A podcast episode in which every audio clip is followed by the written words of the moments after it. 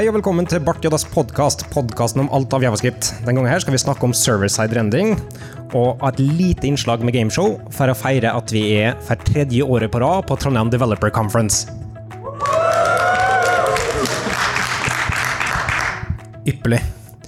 Uh, vi er det faste panelet i tillegg til en gjest, men det faste panelet er da som alltid uh, Christian Hallo. og Christian Hei. og Marius. Hei. Og så gjesten er Stian. Hallo. og med Mikael. Eh, ja, vi skal snakke om server-side rendring. Eh, I utgangspunktet var det en tanke som vi fikk fordi at Husk, ok, husk uh, når vi begynte med å rendre mer og mer på, på klienten? I utgangspunktet så jeg, ah, det blir flott, det her, vi skubber over ansvaret på klienten. De kan ta litt der CPU-lasta, og så går det raskere. Det var den sånn, største main selling point. At det var uh, raskere at vi skulle gjøre det. Går det kanskje nå fem år, sitter vi her, og så tar det fire sekunder før vi laster ei side, før vi klarer å interagere med henne. Eh, Så den største løgna, i tillegg til på en måte ja, ikke, Vi har mange løgner i softwareindustrien, at dette er en av dem. Det at det skulle gå raskere. Eh, så Jeg vil foreslå at vi går tilbake til et mer tradisjonelt klient-server-forhold, eh, og slutter å rendre alt på, på klienten. Og så håper jeg egentlig at noen skal være på en måte uenig, da. Det er jo faktisk kjappere å rendre en del ting på klienten. Ja. Det er ikke sånn at alt skal rendes på serveren. Nei, Nei? Eh, så er det, har vi kommet til en syklus der vi er over eh, ikke bare rendre og output alt HTML-en, ikke bare eh, rendre output alt direkte til dommen, eh, men en mellomting. Ja, god miks. Så som, er- som, som, som alt annet, it depends. Du, eh, Christian CH, eh, du driver mye og lager uh, state-håndteringsbibliotek og sånt som utelukkende går på klienten ofte, eller er det, Ja, tar du hensyn til å, å ville rendre på serveren i utgangspunktet? nei, jeg tar uh, hensyn til det også, så man kan uh, um, ja, sette, bruke samme state management på serverside, men der må det jo på en måte være stateless, da. Sånn at du setter i gang state management-verktøyet i regi av den requesten som kommer inn. Så populerer man det, og så kan man da rendre sånn som man gjør på klienten på serverside. Da. Så det er jo det å kunne gjenbruke UI-koden sin på, på serveren. Men for det, det er litt interessant, for nå snakker vi om server-side rendering som om det er Ofte så blir det snakka om som om det er en ny ting, eh, men det er egentlig en ny vri på ting, da. Som er at eh, du gjerne har det i samme økosystem. Så du har webteknologi som kjører på serveren, i stedet for serverteknologi som kjører på, på eh, webteknologi. Ja, det er jo kanskje det som er den viktigste faktoren i at servicerendring har blitt mulig og populært igjen. Da. er jo fordi du har Node.js som kan faktisk kjøre den samme koden du kjører på klienten. Så kan, du, kan, eh, du kan faktisk bruke samme kunnskapen til å implementere service-rendering som du bruker på å implementere clients-rendring. Men hvem er det som kom først med For, for meg så var det React. Det var da jeg liksom, innså at du kunne gjenbruke klientkoden din på serveren. Og så på en måte rendre på server også. Men var det noen som gjorde det før det? Det Altså, var hvis du jo Airbnb som drev og gjorde noe eh, ganske ville greier med backbone. Ja, men også du kan jo uh, se for deg sånn som uh, Ikke bare backbone, men handlebars, som Mustache-type uh, templatingspråk. De kunne jo templet-kompilere, sånn at du outputta det som ren HTML, Også. men det du mangler, er den hydreringa på andre sida. Men er det, er det slik at det er eh, bestandig påkrevd? Hva er det fordelen med server-side-endring? Hva er ulempen med det? Eh, Burde alle bruke det? Noe som har tanker rundt det? Først og fremst, det jeg bruker det til, eh, det er i forhold til SEO, Search Engine Optimization. Og fordi veldig mange snakker om performance og uh, alle disse tingene, at du skal få opp noe så fort som mulig og sånn. Uh, men jeg har ikke jobba på så mange prosjekter der det har vært uh, helt kritisk, og så man si, kan man si at det er noe man burde passe på uansett. Men for meg så har det vært litt sånn, ok, du må passe på at Google klarer å plukke opp eh, sida di og indeksere og hele den pakka der, da. Ja, for de straffa det vel òg, for det første, De kan vel ha teknologier til å lese ting som blir automatisk populert etter hvert, men, men det, ehm, du blir vel straffa i utgangspunktet for det òg. men andre ting er sånn som eh, Du får eh, enklere håndtering av universell utforming, f.eks. Eller eh, du kan eh, Hvis du mange nå har sånn open graph-type greier, du lenker inn en eller annen URL på Twitter eller på eh, Facebook, så de crawler der òg. Um, om det er også den der time to first eh, render, eller time to first interaction, som er interessant òg, at hvis du har noe som du kommer ut med fra serveren allerede ferdig rendra, som du kan ta opp på serveren, eh, så har du knapper der som kan funke fra første sekund, uten at de nødvendigvis eh, eh, har all den interaktiviteten av javascripten på toppen, men at du da eh, er en fungerende greie, og blir lagt i kompleksitet opp på toppen her igjen. Stemmer det. Det var ganske interessant. Jeg vet ikke om dere så React, det var noe React-KOMF nå. Der du har denne hydreringa som du snakker om, at du har HTML-en i bunnen, og så spinner, spinnes React oppå der, og den slipper å produsere all HTML-en på nytt, den bare hopper på eksisterende HTML. Men nå introduserer de Hva kalte de det for noe? Noen delvis hydrering. Altså de, var, de klarte å finne ut eh, Jeg aner ikke hvordan de gjør det, om de gjør det med å tracke muspekeren eller hva det er for noe. Så klarer de liksom å pinpointe akkurat hvor er det mest sannsynlig at brukeren har tenkt å gjøre noe interaksjon nå. Så hydrerer man det først, da. Og så tar man resten etter hvert, da. Sikkert sånn i forhold til scrolling, hva er det som er innafor skjermen og utafor skjermen og sånn. Ja. Crazy. Ja, det er interessant å se hvordan det funker. Det høres i utgangspunktet ganske sårbart ut, på et vis, det å, å få til det. Uh, men de har sikkert eh, en eller annen løsning på det. For min del med server-side rendering, en, altså, en god nok grunn i utgangspunktet til å tenke på det, er at jeg er møkk lei av å command-klikke på lenker, og så skjer det ingen, altså vi får ikke en ny tab. da. Det er bare et eller annet som oppdaterer seg på sida. Og det er fullt helt og holdent mulig å få til det eh, med client-sent rendering, men det er ingen som får det til. Vi, vi tar snarveier i alle retninger. Vi har diver som har on-clicks, vi har eh, all slags mulige ting som ikke er det det egentlig burde være. Eh, og vi blir ikke straffa ferdig fra nettleseren, da, for at nettleseren ja, det går fint, det. slapp av, vi. Eh, vis det du vil, du.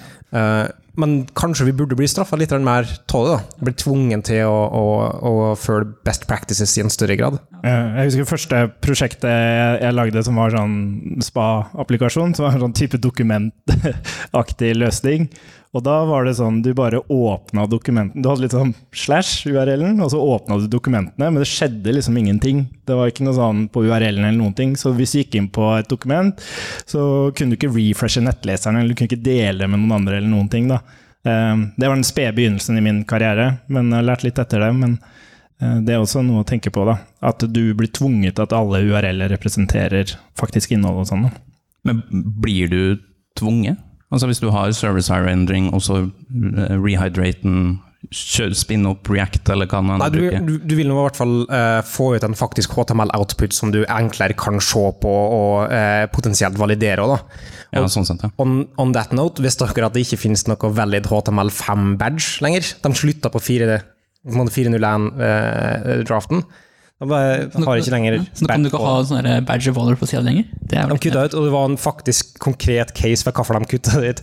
Det var at nei, Folk fikk feil fokus på at det skulle validere istedenfor sånne ting. Men jeg lurer på om vi skal lage en ny badge som vil eh, gjeninnfører den HTML-valideringssteget. ja, sånn Michaels eh, tommel opp for bra HTML. Eh, jeg tenkte egentlig HTML5 valid spec, eh, eller nå er det 6 eh, som er på en gang òg, men eh, utgangspunktet er at og, jeg, jeg, vil, eh, jeg vil være såpass ærlig og si at det er en del av problemet, da, som, som pusher på at eh, vi tar mer ansvar over på klienten, vi får rikere klienter, vi har mer fleksibilitet der og sånne ting.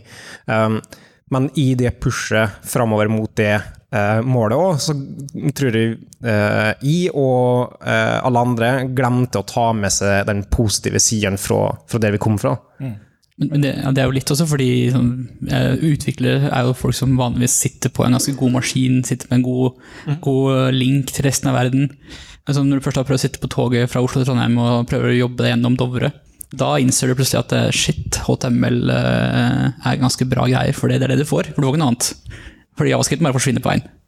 Sittende fast i moskus eller noe sånt. Men var det ikke sånne eh, Glad i avskrift, da. må jeg si.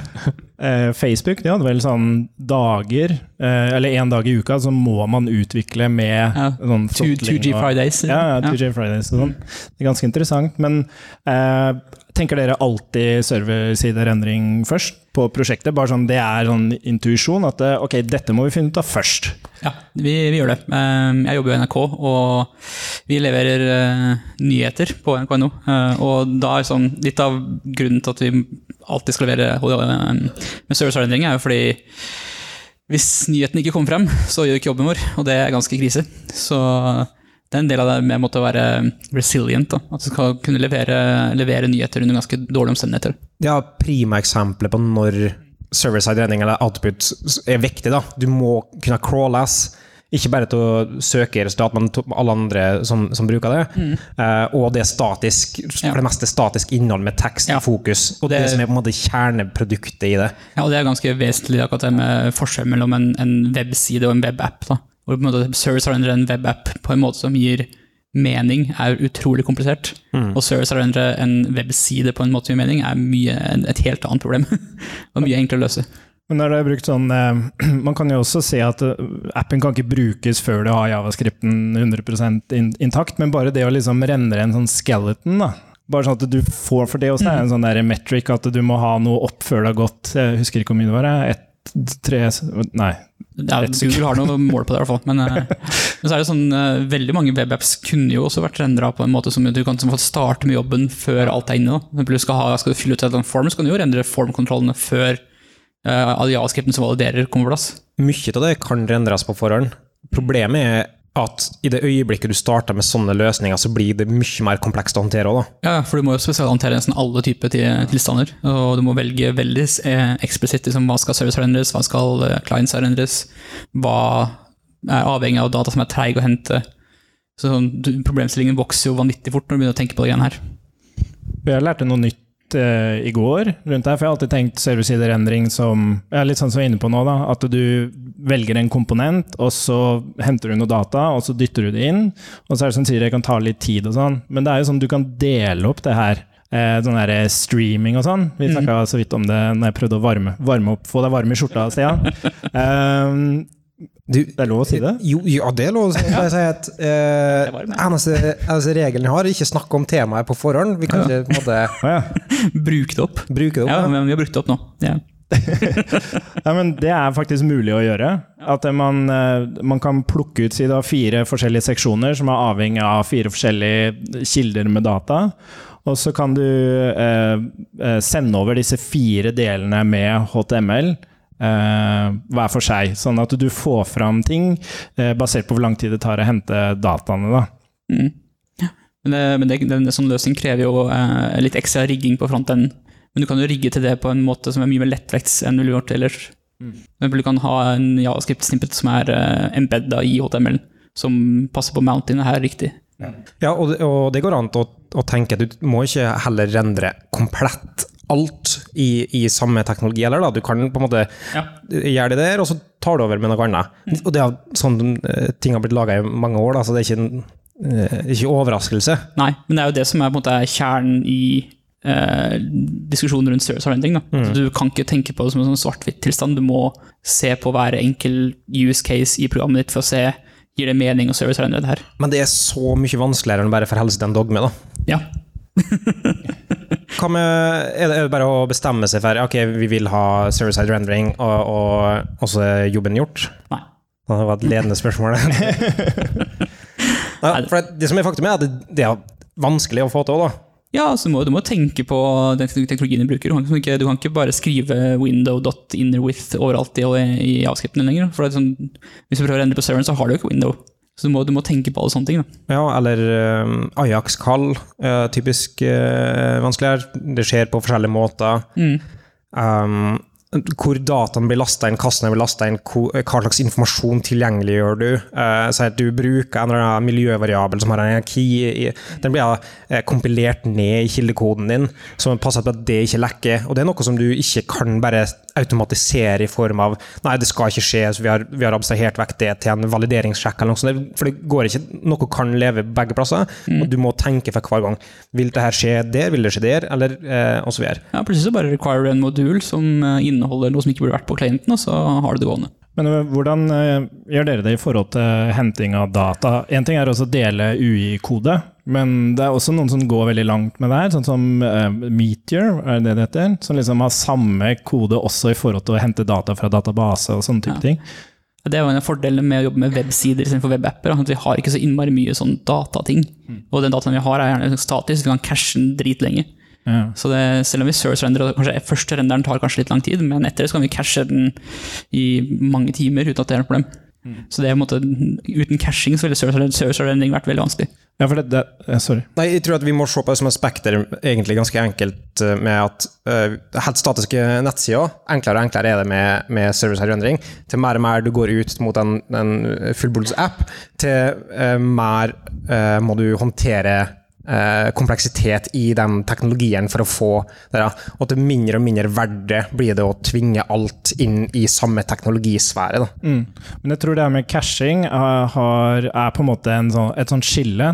Eh, fordi hvis du må hente data for hver eneste request, så gir det på en måte ikke noe mening. Jeg husker vi gjorde det her startup jeg jobba i, i tidligere, og der var egentlig alle sidene brukerspesifikke. Men så klarte vi å skille ut hva er det på denne sida som er generelt for alle brukerne, og hva er det som er spesifikt for hver bruker. Og så serversiderendra vi det som var likt. Eh, For det kunne vi cashe og bare spytte ut så fort som overhodet mulig. Og så var resten Men det var en jobb, da. Å klare å finne ut hva er det som er likt og ikke likt. og alle de tingene der. Og det er jo måte, hvis du har mange brukere, da, så eh, krever det enormt mye av serveren din også. Liksom, Du, kan, du kan ikke serve så veldig mange request per sekund hvis du skal uh, Samtidig så har vi etablerte praksiser for å kunne Jo, skalere det ut i, i enklere måte. Da. Um, Men det er jo ikke alle som har den muligheten tilgjengelig til enhver tid. nei, Det koster ganske mye penger. Ja, ja, det er det. Det er en annen løgn som vi forteller oss selv, for så vidt at liksom, clouden er billigere. Det, det betyr at uh, server-side-rendring av brukerinnhold, det er liksom litt sånn no go. Det er kanskje litt uh, upløyd område. Ja, det, Jeg mener, eh, Kenneth 36, nei, var ikke Ja, ja altså, du er logga inn som en eller annen bruker og har da masse personlig innhold på akkurat den sida. mm. Og det er jo det man ofte driter seg ut på cashing òg. At du dytter inn Det var vel en liten eh, Ja, du som jobber for staten, Stian, du kjenner vel til noen historier? Var det ikke noe Altinn eller noe sånt? Som, Jo, Ja, men eh, det er lenge før jeg begynte å jobbe i staten. Det var sikkert har ikke skjedd noe på etter videregående ja, Nei, nei, nei. Staten er feilfri. Hva eh, skal vi eh, på tampen? Teknologier. Eh, konkrete teknologier som kan hjelpe med å få til SSR og CSR på en eh, med en bridga måte. Ja. Node.js. Plattformen er, greit, grei, men også, du har også konkrete rammeverk som hjelper med. Du har eh, NextJS, som funker ganske greit. Ja. Ja, vi, bruker, eh, Preact, vi, da. Ja. Og det har en sånn egen hardware-funksjon, så samme som React, tipper jeg. En annen ting som jeg tror kunne funka bra i NRK-sammenhenger med statisk innhold, er Zapper til Svelte. Der de har eh, automatisk generert det, litt sånn som NextJS i utgangspunktet. Sammen med eh, Vue har vel Nux i JS. Har ikke noe erfaring med Det virker egentlig som nesten alle rammeverk som, eh, har, som fortsatt er utvikling på, Mm. har en eller annen form for rehydrering og servicehardenering. Så det, det er en positiv ting. Og i forhold til streaming og sånn Nei, Mm. Streaming av HTML, så var det noe som heter Readable eller noe sånt? Express? Nei, uh, Eller er det generelt Node? Readable er en, en, en konsument-stream-node som er en del av standard-API i Ja. Node. Mm. Det er writable og readable, og så har du pass-through og ja, whatever. Og så har du diverse sånne template-ting som støtter streaming. da. Ja, for på NRK så vet jeg uh, det blir brukt litt HTML, Ja. en del, i hvert fall på Yr-sideren. Ja, eh, og også på NRK.no forsida bruker, Ja. bruker det.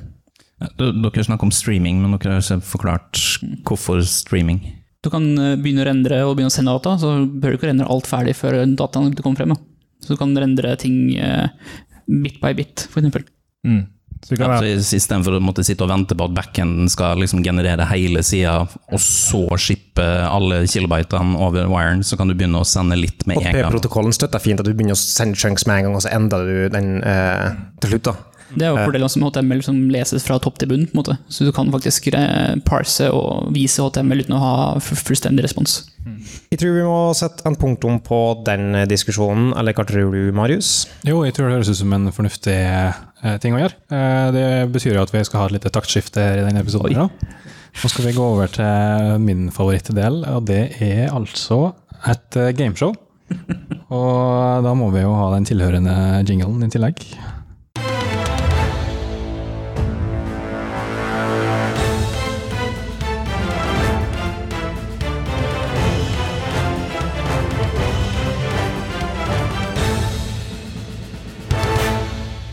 Da er det altså klart for gameshow her på eh, Trondheim Developer Conference. Eh, Det første jeg vil at dere skal gjøre eh, Dere er på forhånd delt inn i to lag. Det er du, Stian, og du, Mikael, og så er det Kristian og Kristian på lag. Eh, Det første jeg trenger at dere gjør, er at dere kommer opp med et navn til laget deres. Det tar dere på sparket. Ja, kortslutning. Kortslutning. Vi kan ikke, ikke plugge ikke plugg din egen podkast her, uh, i stedet for uh, Ekmaskript 4. Ok, det er greit. Okay. For det er eksisterer ikke, så- hva er borte? Eh, Christian og Christian? Christian og Christian. Kristian og Kristian. det som er interessant med det, er at det faktisk begge to skrives med K istedenfor CH det ene. Nei, Ja. ja, ikke sant? Mm. De bytta om. Litt vel kreativt der, synes jeg. Det første vi skal gjennom, er altså en historiequiz. Vi skal tilbake til røttene av Javascript, eh, og dere vil få fire spørsmål om det. Eh, Så snart dere vet svaret, så må dere rope navnet på laget deres, så får dere muligheten til å svare. Svarer dere feil, så går muligheten til det andre laget. Regler forstått? må vi rope hele Eller kan vi rope E ES4? Du, du kan komme unna med det. Ok. Um, så jeg har eh, notert litt her, Um, så vi kan godt hoppe direkte til første spørsmål, som er hvem implementerte den første prototypen av det vi i dag kjenner som javascript, og hvor lang tid brukte personen på det? Christian Christian? Skal vi si na- lagnavnet først? Ja, ja. Ja. Br- Brendan Nike? Og hvor lang tid brukte den? Eh, Det er vel litt sånn 13 dager eller noe sånt? Det er litt sånn en uke. Historie å sier ti dager. Og det er helt riktig. Eh, Netscape Communications, skaperen av Netscape Navigator, mente at de trengte et limspråk for å enklere kunne håndtere element i nettleseren. Og de ville ha et skriftspråk som lignet på Java, som kunne forhindre at f.eks. Perl og Python ble dratt inn som standard i stedet. Og Brenton Eich lagde prototypen som eh, da ble javascript eh, på ti dager. Jeg bare sier at Han brukte ikke ti dager på det. Og, altså, det var kontinuerlig ut, videreutvikla i ettertid. da. Det er hele en historie. på en måte. Ja, ja, ja. Eh, skal vi se. Vi hopper til neste spørsmål. Dere fikk da altså ett poeng her borte. Uh, hva var kodenavnet til Javascript da det var under utvikling? ES4. Ja, uh, uh, det var Mokka.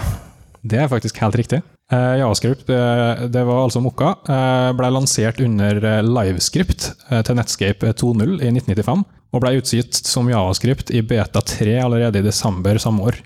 Visste du at i IE så ble det kalles J-skript, for de ville ikke, kunne ikke kalle det Java-skript, for de ville ikke bli søkt, saksøkt fra sønn. Hold, hold på den tanken. Ok. Fordi, fordi at, nemlig, eh, Microsoft lanserte sin versjon av Javascript ES4. i Internett Explorer 3 i 1996. Hva var navnet på den? Christian. J-skrift. Hvem skulle tro at det var riktig? Men det som er litt festlig, er at Microsoft reverse-engineera Netscape sin implementasjon av Javascript, eh, og lanserte det da som eh, J-script, eller J-script om du vil. Eh, og det var også tilgjengelig som server-side scripting for det som da heter for Internet Information Server. Hvis noen har brukt det. Ja, stemmer. Eh, hva som ligger an på poenget nå? Er det, det er 2-1. Tror vi. Ja. Ja, vi leder med ett poeng. Vårt, vårt poeng. Men vi hopper til spørsmål fire, som da er lyd som følger. Eh, I november 1996 sendte Netscape, eh, Netscape eh, Javascript til ECMA International i håp om å få på plass en standard, slik at andre nettlesere kunne implementere støtte for Javascript basert på arbeidet Netscape hadde gjort. Eh, Dette her førte senere til språkspesifikasjonen ECMAScript. Når ble første versjon av ECMAScript-standarden lansert? ES4. Ja, vær så god. 1996. Jeg skal ha faktisk ikke bare årstall, men jeg skal òg ha måned. Kristian Kristian? Ja, 1996, februar. det er fortsatt feil, altså. Ja. ES4 kan få ett forsøk til. Eh, Hvis ikke, så eh, blir det walkover, altså. Mars. Fortsatt feil måned og feil år, da. for Ja, ja. Men 95, da. Så du er egentlig ikke i nærheten. Nei, det er faktisk uh, XMAScript-standarden ble først lansert i juni 1997. True. Uh, og Javascript er da den mest kjente implementasjonen av standarden, men så har du òg sånne ting som ActionScript og da JScript, som vi også har snakka altfor mye om allerede. da endte vi på det, Dere har ett poeng, og Kristian og Christian og Christian har to. Uh, som bringer oss videre til uh, en logo-challenge. Så vi har en moralsk poeng, altså. Har dere et har dere, Ikke krangle nå, Stian. Eh, vi skal gjennom en logo-challenge. Jeg har valgt ut seks logoer. Uh, og det her blir litt spennende, egentlig. Uh, for det her er logoer som har med ting som utvikling å gjøre. Og det vi nå er nødt til å gjøre, er at den som skal gjette, den må snu seg med ryggen til, slik at den ikke ser her nå. Det som skjer, er at du kommer til å få se Skal du forklare, Stian? Eller? Da skal jeg forklare. Du får forklare. Du kommer til å få se en logo på skjermen her nede. Mm. Og du skal forklare bare det du ser. Bare det du observerer på skjermen. Du har ikke lov til å bruke bokstaver, du har ikke lov til å si navn. Ikke lov til å bruke bokstaver. Nei. Så hvis du ser en F, så har du ikke lov til å si en F. ja. Ja, Skjønner. Man kan forklare med bokstaver. Nei, ja, Du kan si det er en bokstav som ligner på E, men mangler, mangler en strek. ja. ja. All right. Men da går det altså ES4 ut først her. Eh, og Mikael, du må sørge for å Du kan godt stille med ryggen til, slik at du ikke ser Kan det ikke bare ha deg i hånda. Ja, det, hvis du lover å Du kan holde ha dem. noe fornuftig. Første logo, Stian. Ja. Er du klar? Uh, atom.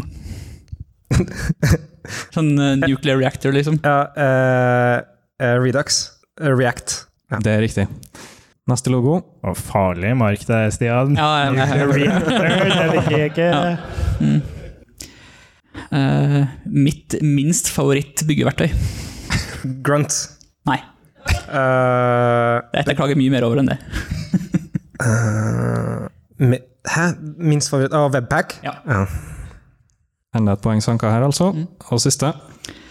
Uh, Favorittversjonshåndteringsverktøy. NPM. Og Versjonshåndteringsverktøy. uh, Git. Tre poeng der, altså. Uh, Bra at vi kjenner hverandre. Ja, det er fint, ja. nå juksa du egentlig litt, for du skulle egentlig bare forklare det du så. Så her skulle du egentlig sagt en, fi, en oval firkant. Ja. Uh, men dere får altså da samme muligheten til å gjøre det samme med Christian og Christian. Uh, hvem av dere har lyst til å forklare, egentlig? Kan jeg ha opp øynene? Nå kan du rukke opp øynene. Jeg kan prøve å forklare. Skal du forklare? Klar, Christian? Yes. Du bare tok av deg brillene, og så løste du hele problemet? Perfekt. Her er første logo. Uh. uh, det ser ut som eh, to binderser som er, ligger på en måte ved siden av hverandre, parallelt med hverandre, litt på skrå. Microsoft Word. Uh, nei, de er, de er liksom litt kutta opp, og så har de en border rundt, rundt seg med, som er oransje. Selve bindersen er hvit. Har aldri sett den logoen her før. Binders? Ja Kan ligne på en, en bokstav. Hadde ikke lov å si den konkrete bokstaven. Har du ingen peiling, Kristian? Da eh, Nei, opp hopp over, da. Jeg tror, tror vi er nødt til å Ja. si pass. Det var mye vanskeligere når man beskriver faktisk det som er på skjermen. Rich, Rich Harris. Ah, svelte. Ja. Ja. Oh. Oh. Mm. Nummer to. Ja, det er et eh, byggeverktøy som var inn i tiden før. Ser ut som et dyr. Og her skulle du plutselig begynne å beskrive det på en helt annen måte. Her kunne Ja, ja, ja, ja. unna med å si Her vet jeg faktisk hva det er for noe. Ja, jeg skjønner. Og siste. Eh, kommunikasjonsverktøy. Du bruker det hver dag. Barth Joddes har det. Mikrofon. Nei, altså, du, du bruker tastaturet ditt når du skal skrive noe. Hæ? Et lo et, er det et verktøy? Ja, ja verktøy. Er en tidsbegrensning på det? Slack, ja. Oh, ja. Slack er riktig. Eh, jeg var så heldig å få besøke Slack-kontoret i Dublin her, og de eh, internt kaller det bare 'Ducks doing funny business'. Og når du først ser det, så klarer du aldri å, å ikke se det igjen. Kan jeg åpne øynene, så jeg kan, kan ta du- inn kommentaren din? Ja, det kan du få lov til, Kristian. Skal vi ta på deg brillene igjen, eller? Uh, det Ah. betyr egentlig at det er likt nå. Ja. Det er Vi leder med et moralsk poeng. 5-5. Du skal ha det der moralske poenget ditt. Da går vi inn i siste runde med stillinga 5-5. Vi skal tilbake til det vi har gjort før i livesammenheng i Bartiodas. Vi skal ha en runde alias. Eh, og da skal alle fire til pers. Eh, og det som er litt artig nå, at dere kan ta stein, saks, papir om hvem som skal starte. Mikael og Kristian. Er du klar? Hvem Da- skal starte? Mikael skal starte, han vant. Mikael, du, du kan få starte det. Ok. Da kan du godt starte og forklare òg. Ja, det kan jeg gjøre. Og da må du lukke øynene dine, Stian. Ok, Ja. Eh, For dem som ikke har spilt alias før, så er jo det her Det kommer til å komme opp eh, et par ord på skjermen her som Mikael skal forklare, og så skal Stian gjette da hva det ordet er. Og det er programmeringstekniske termer vi nå skal gjennom. Så jeg tenker egentlig vi bare kjører i gang. Du får ett minutt, Mikael, til å pløye gjennom så mange ord som mulig. Er Du klar? Det du bruker for å logge ut ting i, i nettleseren. konsoll. Konsollog. Første var rett. Mm. Uh, en operator for å ta en eh, array med ting, og så bruke det som argument til en funksjon. Call. Eller apply. ja, litt nyere. En operator Nyår? for det. En operator. Uh, spread. Yes. Mm. Eh, en funksjon eller en, en metode på prototypen som uh, tar uh, et utsnitt av en array S slice. med en ekstra bokstav. Splice.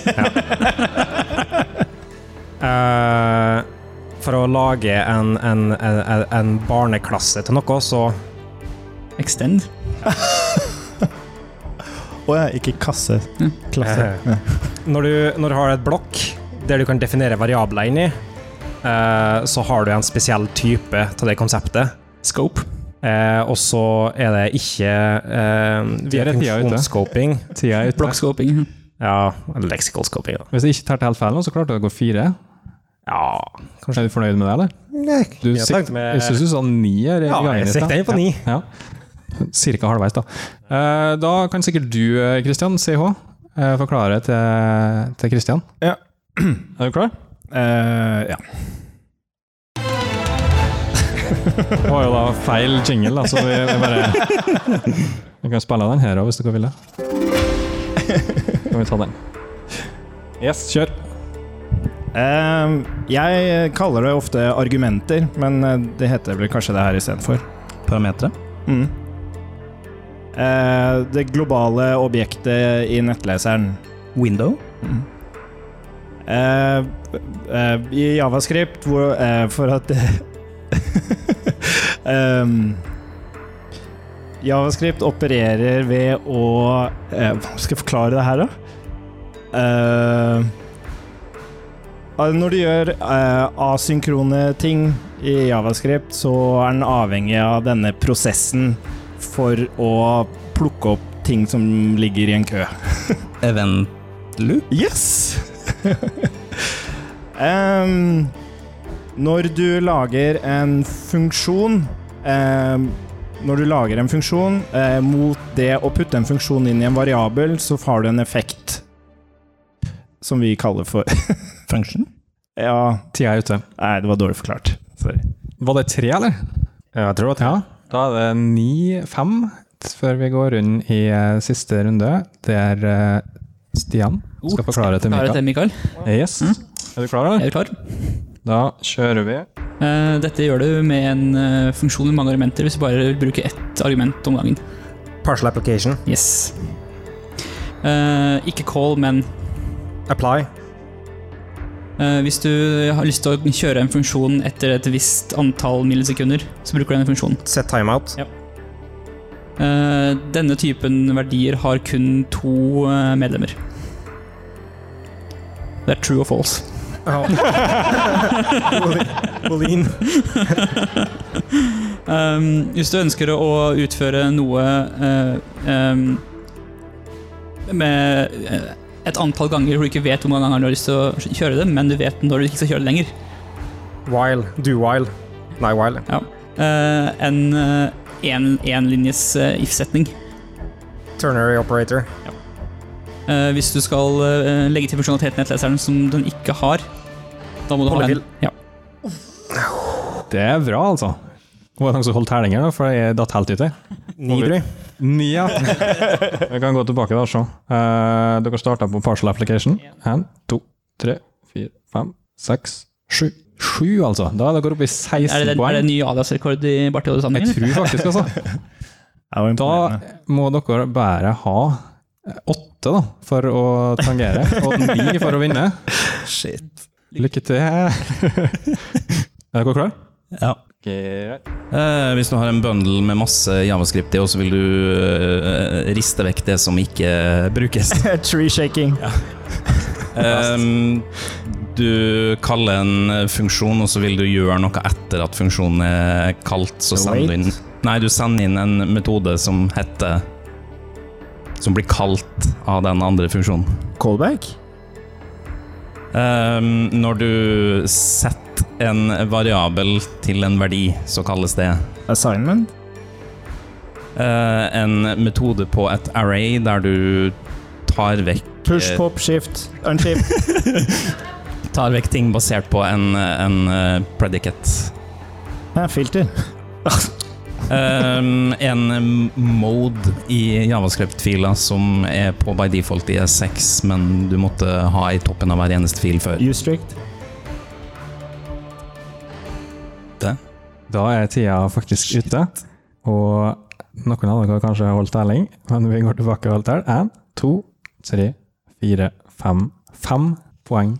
Dere endte opp på totalt 13, og vi har altså et vinnerlag eh, i gameshowet for Bart Joddas på TDC. Fortsatt regjerende mester. ES4 altså går av med seieren. Premien er eh, ja, det blir heder og ære, da. Det er det vi har å tilby, egentlig. Jeg tar imot. Ja, vær så god. Takk. Gratulerer. Gratulerer. Veldig bra innsats, altså. Det var vel alt vi hadde for denne gangen. Ja. Uh, så da tar vi den faste avslutninga. Hvis det er noen som har spørsmål eh, til det, Kristian At Larifax på Twitter. eh, med to r-er. Ja. Og Christian? 1x. Ah, nei, ja.